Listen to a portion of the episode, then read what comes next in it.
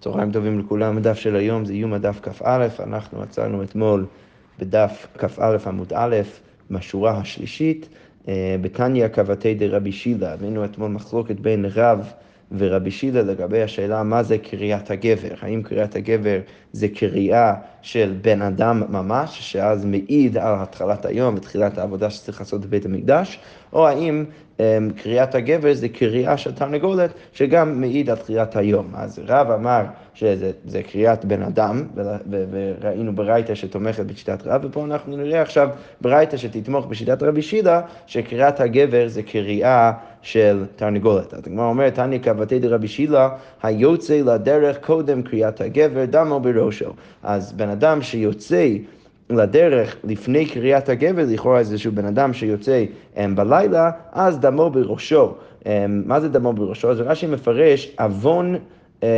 עוון מוטו על ראשו מוטל, שהוא המית עצמו, הוא עושה משהו מאוד מסוכן, ולכן הוא כאילו אחראי על המיטה של עצמו, כי ההנחה היא שמאוד מסוכן לצאת אה, בלילה כשעוד חשוך בחוץ. אז אם אתה יוצא לפני קריאת הגבר, אז דמו בראשו. אוקיי, רבי יושע אומר, עד שישנה. אז רבי יושע אומר, לא, דמו בראשו רק אם הוא עושה את זה פעמיים. יש אומרים עד שישנה, לא, צריך לעשות את זה שלוש פעמים, אז זה כבר הופך להיות בעייתי.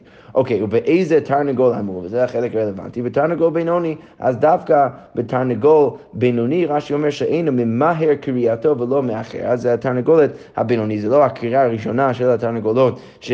ש, ש, שקוראות אפילו יותר מוקדם או יותר מאוחר, אלא תרנגולת בינוני, אז זה, זה, מה ש, זה מה שאנחנו, אה, זה הדבר שהם מתכוונים אליו כשמדובר על קריאת הגבר. בכל זאת, ברור מהברייתא שמבינים שקריאת הגבר זה קריאה של תרנגולת. אוקיי.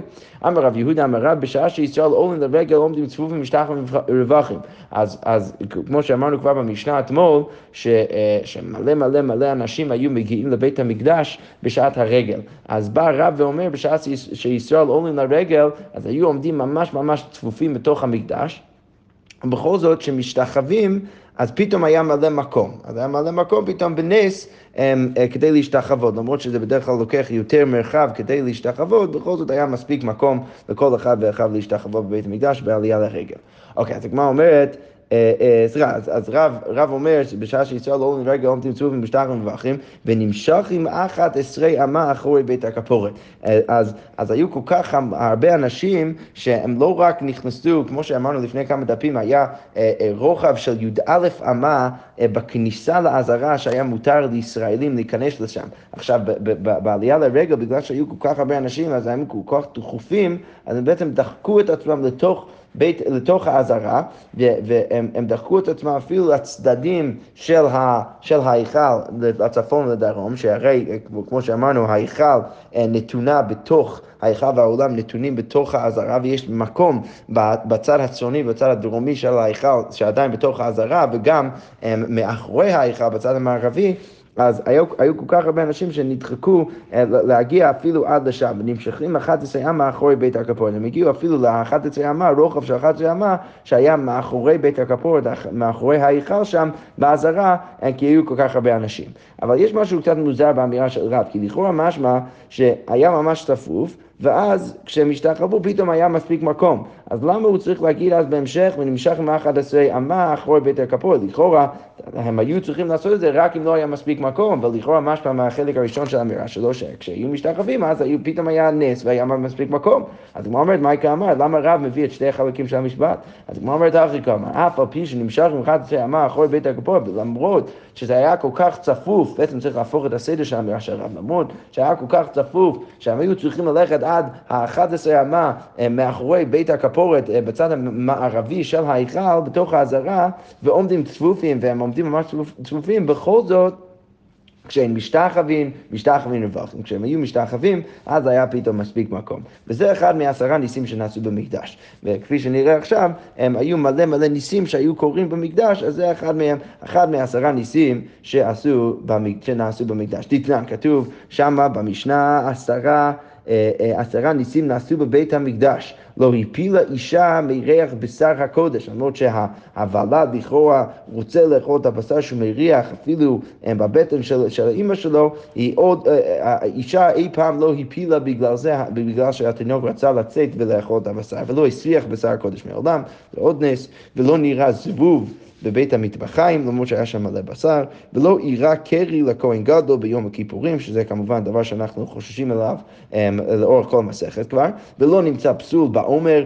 בקורבן העומר לא נמצא פסול, שזה היה יכול להיות מאוד בעייתי, כי מביאים את uh, קורבן העומר um, ב, uh, ב, uh, מביאים את זה בט"ז ניסן, אז... Um, אז רש"י מסביר שזה היה בעייתי אם היו מוצאים בו פסול, למה?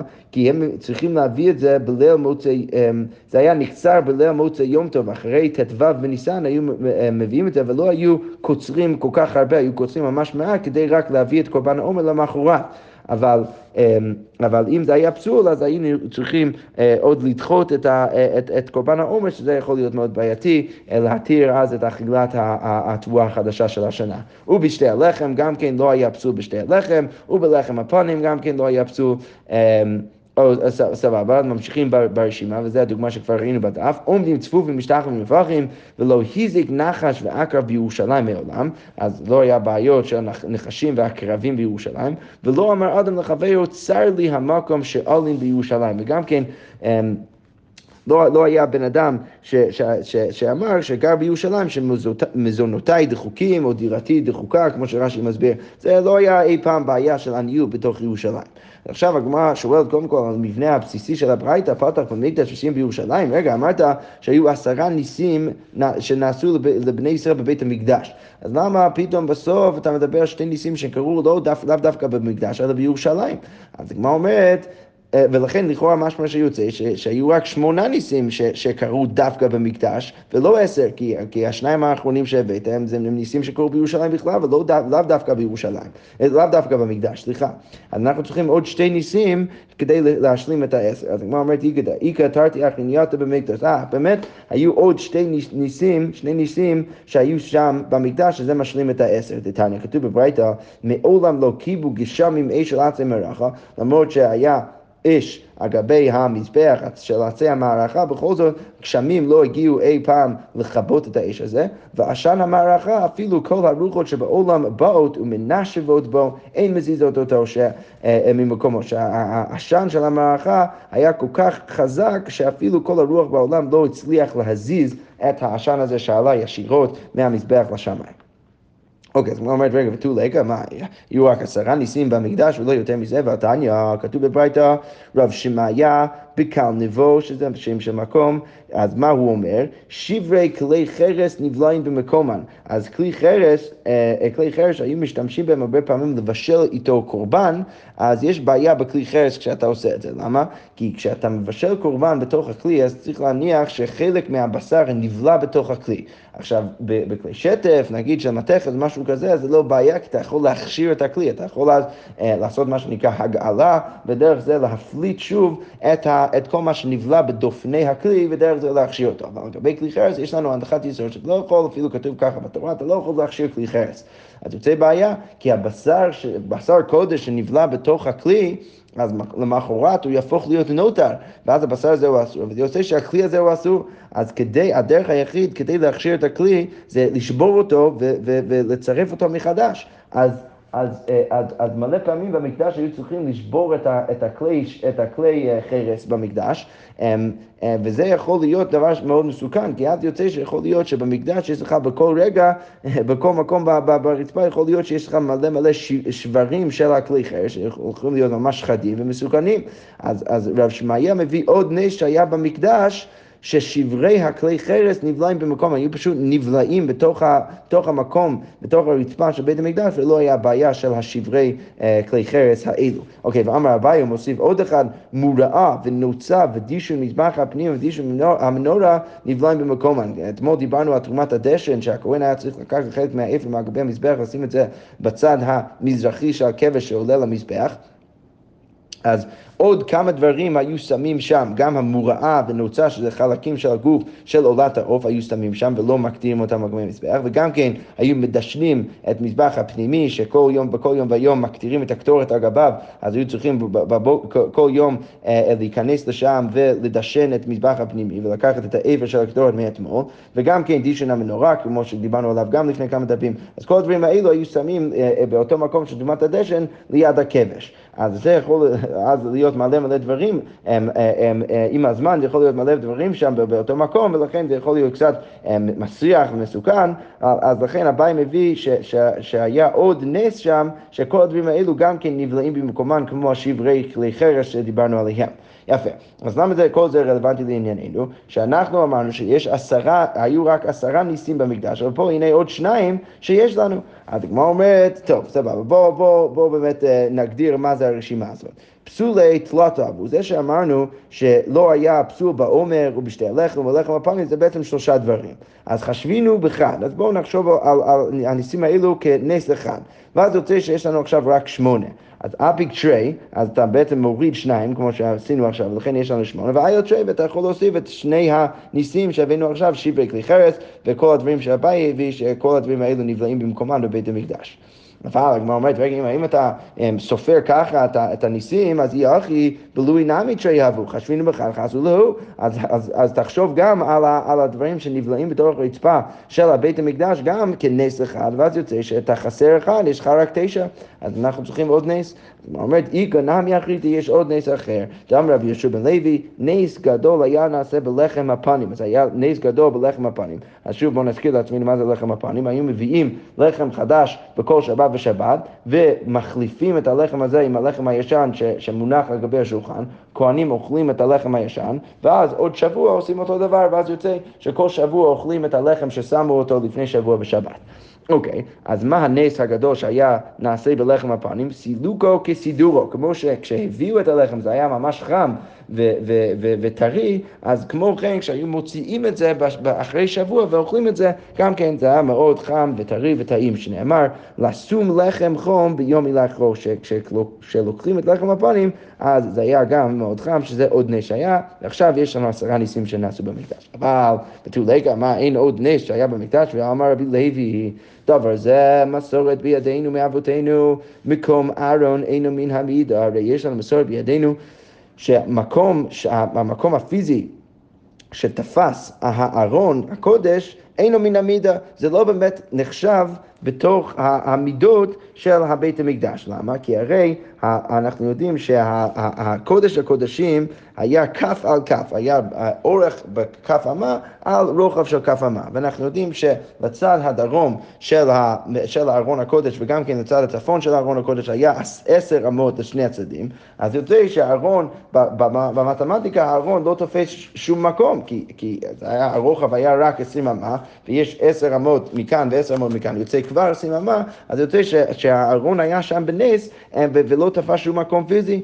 ואמר רב נאי ועוד יותר, אמר רב נאי, אמר שמואל בשם שמואל, כרובים בנס היו עומדים, גם כן הכרובים היו עומדים בנס. למה? כי הכרובים הגדולים שהכינו אותם שלמה המלך, שמו, הוא שם אותם לשני הצדדים של הארון, והיו להם כנפיים שעלו מעל הארון, וכל כנף של...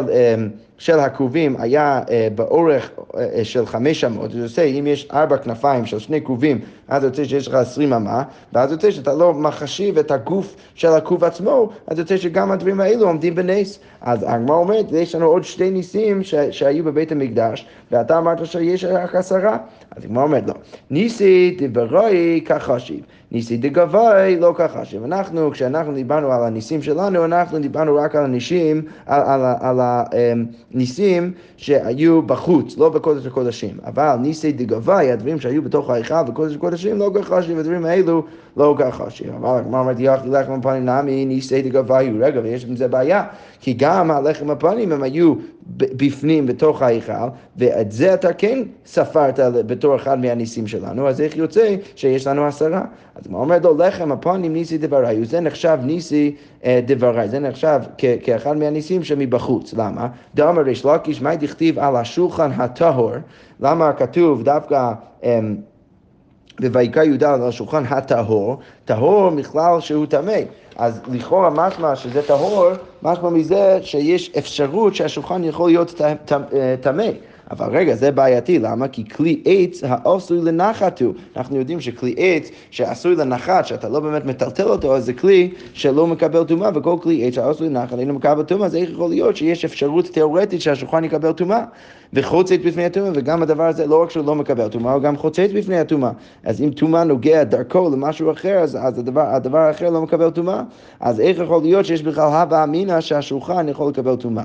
אלא, הגמרא אומר בלמד שמגביהים אותו לעולי רגלים ואומרים להם ראו חיבתכם לפני המקום, שסילוקו כסידור שנאמר לשום לחם חום ביום מילאכו. אז הגמרא אומרת זה מלמד אותנו שכל, בכל שלושת הרגלים היו מגביהים את השולחן ומוציאים אותו מההיכל. ומראים אותו לכל עולי הרגלים כדי להגיד להם ש, ש, ש, שיש נס כל כך גדול שקורה עם לחם הפנים, שכל שבת כשהם משחקים אותו אז הוא, הלחם הוא עוד חם. אז מפה אנחנו רואים שגם הנס שקרה בשולחן זה נחשב כנס של מבחוץ ולא של מבפנים, ולכן אנחנו עדיין בסדר גמור שיש לנו רק עשרה ניסים, ומה שהיה נס אה, לגבי הכרובים וארון הקודש וקודש הקודשים זה נחשב כנס מבפנים, ולכן אנחנו לא אה, סופרים את הניסים האלו ויש לנו עכשיו רק עשרה.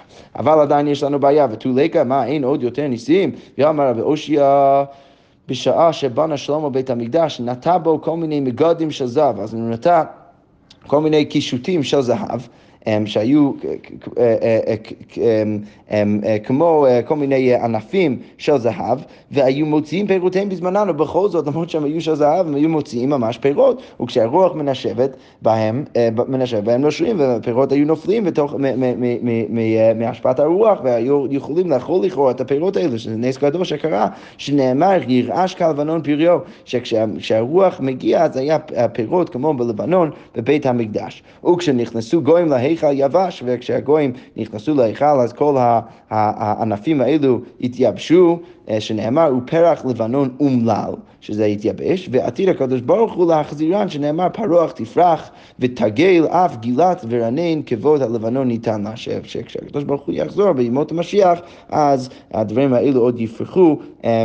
אמ, אה, אה, ויהיו עוד פירות ודברים האלה. בכל זאת אנחנו רואים שהיה עוד נס גדול שקרה שם של אה, כל המיני מגדים של שלמה המלך. אז הגמרא אומרת, ניסי דקבי לא ככה, שזה נס קבוע שהיה שם שהיה שם מרגע ששלמה המלך בנה את זה, ולכן, וזה גם קבוע בתוך הבית המקדש, ולכן אנחנו לא מתחשבים בנס הזה, ויש לנו עדיין רק עשרה. אוקיי. Okay. אמ, אה, כן, רש"י מסביר קביעי קבועים ועומדים תמיד במקום, אז לכאורה משמע שזה דבר פיזי שעומד במקומו, אז זה לא, לא, לא ספרנו.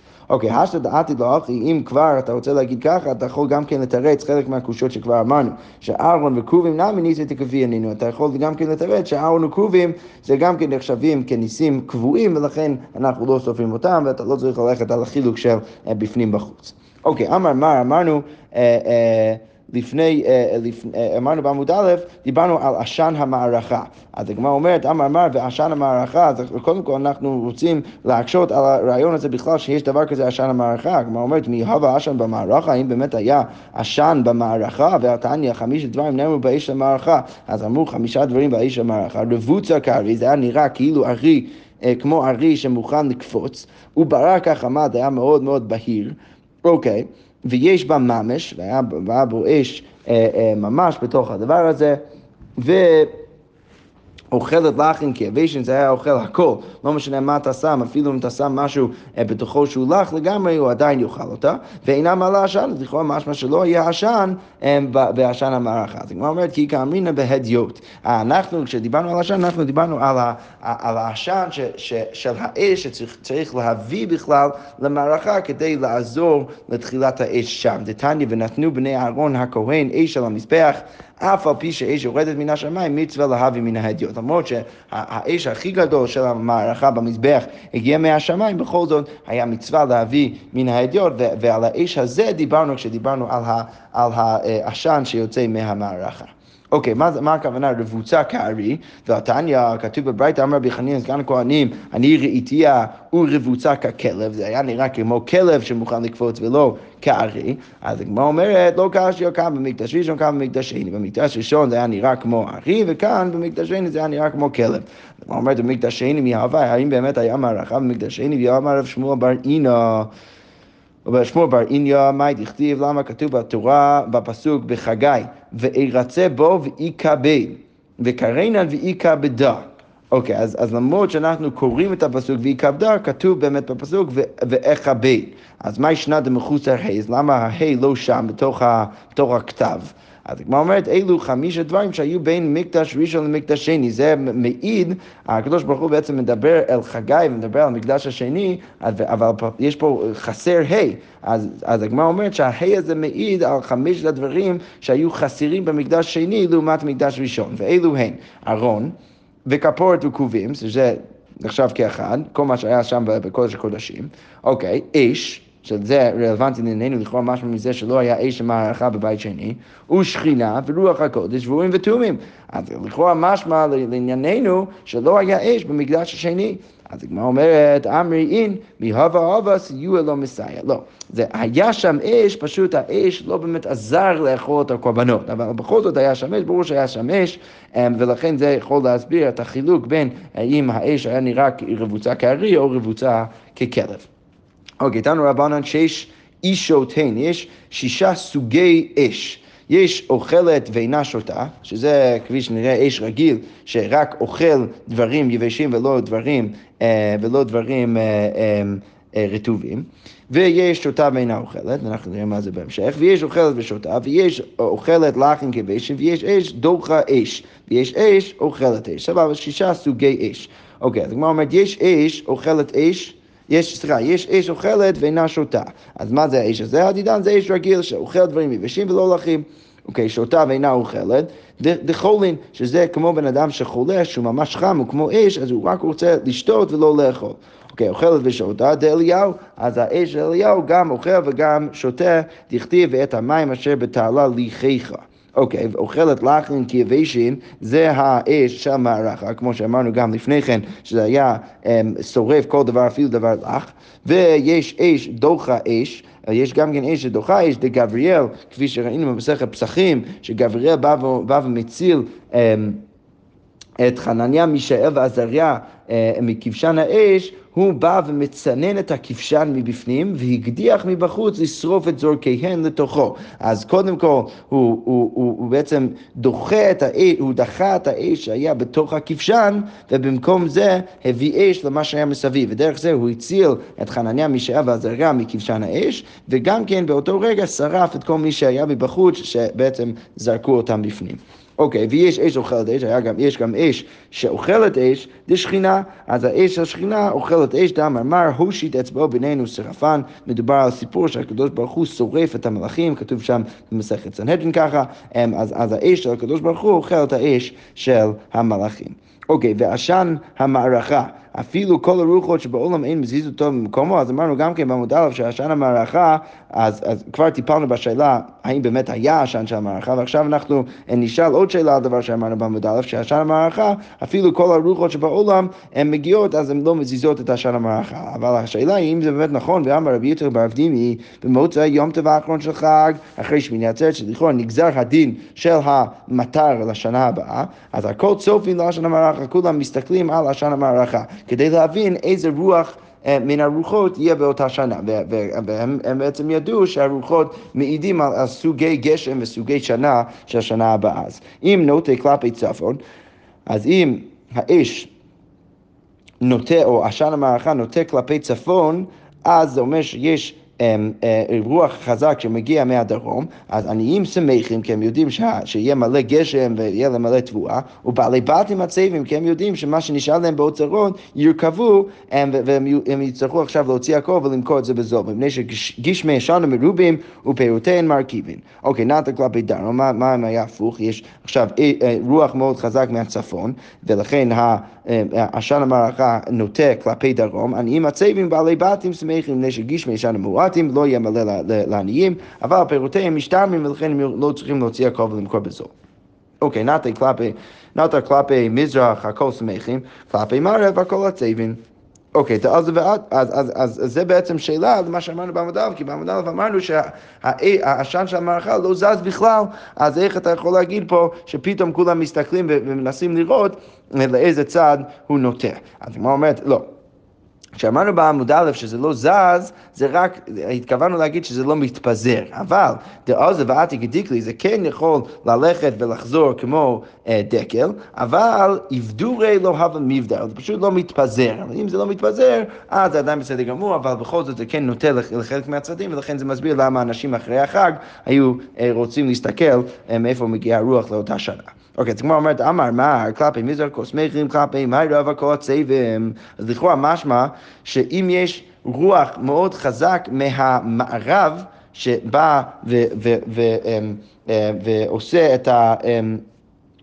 משפיע על העשן המערכה לנטות לצד מזרח, אז זה דבר טוב למטר, ואם זה הפוך, אז זה דבר רע. אבל הגמרא אומרת, אמרנו, אמרנו בדיוק הפוך, מזרחית לעולם יפה. אז רוח מזרחית, שאז במקרה כזה המערכה היה נוטה לצד מערב, אז זה דבר טוב, שזה לכאורה הפוך ממה שאמרנו, ומערבי לעולם קשה, שזה גם כן הפוך ממה שאמרנו. אוקיי, וגם כן כתוב שם רוח צפונית יפה לחיטין בשעה שהביאו שליש, אז זה, זה טוב לחיטין, וקשה לזיתים בזמן שאין חוטין, ורוח דרומית קשה לחיטין בשעה שהביאו שליש, ויפה לזיתים בזמן שאין חוטין, בדיוק הפוך. בכל זאת, מה אמרנו? שמה שטוב זה הרוח שמגיע אמ, אמ, מהצד המזרחי, ומה שלא טוב זה, זה הרוח שמגיע מהצד המערבי, שזה בדיוק הפוך ממה שאמרנו לפני כן. והגמר משכב ואומר, ואמר רב יוסף והייתם במרזוטה, וסימנך שולחן בצפון. ומנורה בדרום, איך אתה יכול לזכור שהרוח הדרומי זה טוב לחיטין, זה קשה לחיטין וטוב, אה, וטוב לזיתים, שזה בגלל שהשולחן אמ, זה בגלל שהמנורה בדרום, ולכן הרוח הדרומי טובה לזיתים שאיתם היו צריכים להשתמש כדי uh, להדליק את הנרות במנורה, ובדיוק הפוך גם כן לרוח הצפוני, שהרוח הצפוני זה טוב לחיטים שצריכים, שצריך להשתמש בחיטה כדי להכין את לחם הפנים שמונח על גבי השולחן, אז אפשר לזכור את זה בגלל שהשולחן היה בצפון. אה, כמו שהגמרא אומרת, המרבה בדידי והמרבה בדידי. כל אחד מרבה את מה שחשוב לו. אז רוח הדרומי זה טוב לזיתים, רוח הצפוני זה טוב לעצים. בכל זאת, לחיטים. בכל זאת, לענייננו, למה זה חשוב? כי הרי אנחנו אמרנו, שוב, לפני כן בברייתא אמרנו שהכל שמחים, אה, אה, שהמז... כן, אמרנו שהרוח שמגיע מהצד המזרחי זה לא טוב, והרוח מהצד המערבי זה טוב, ופה בברית אנחנו אמרנו בדיוק הפוך. אז היא אומרת, לא קשה הלן והלהו. אז לכאורה משמע שאנשים בארץ ישראל, אז הם מעדיפים את ה... את הרוח שמגיע מצד המערבי, אבל בבבל זה היה הפוך, בבבל הם מעדיפים את הרוח שמגיע מהצד המזרחי, ולכן דרך זה אפשר לפתור את הבעיה, ובזה סיימנו פרק ראשון, הדרן הלך שבעת ימים, ומחר בעזרת השם נתחיל פרק שני, פרק בראשונה. שכוייך.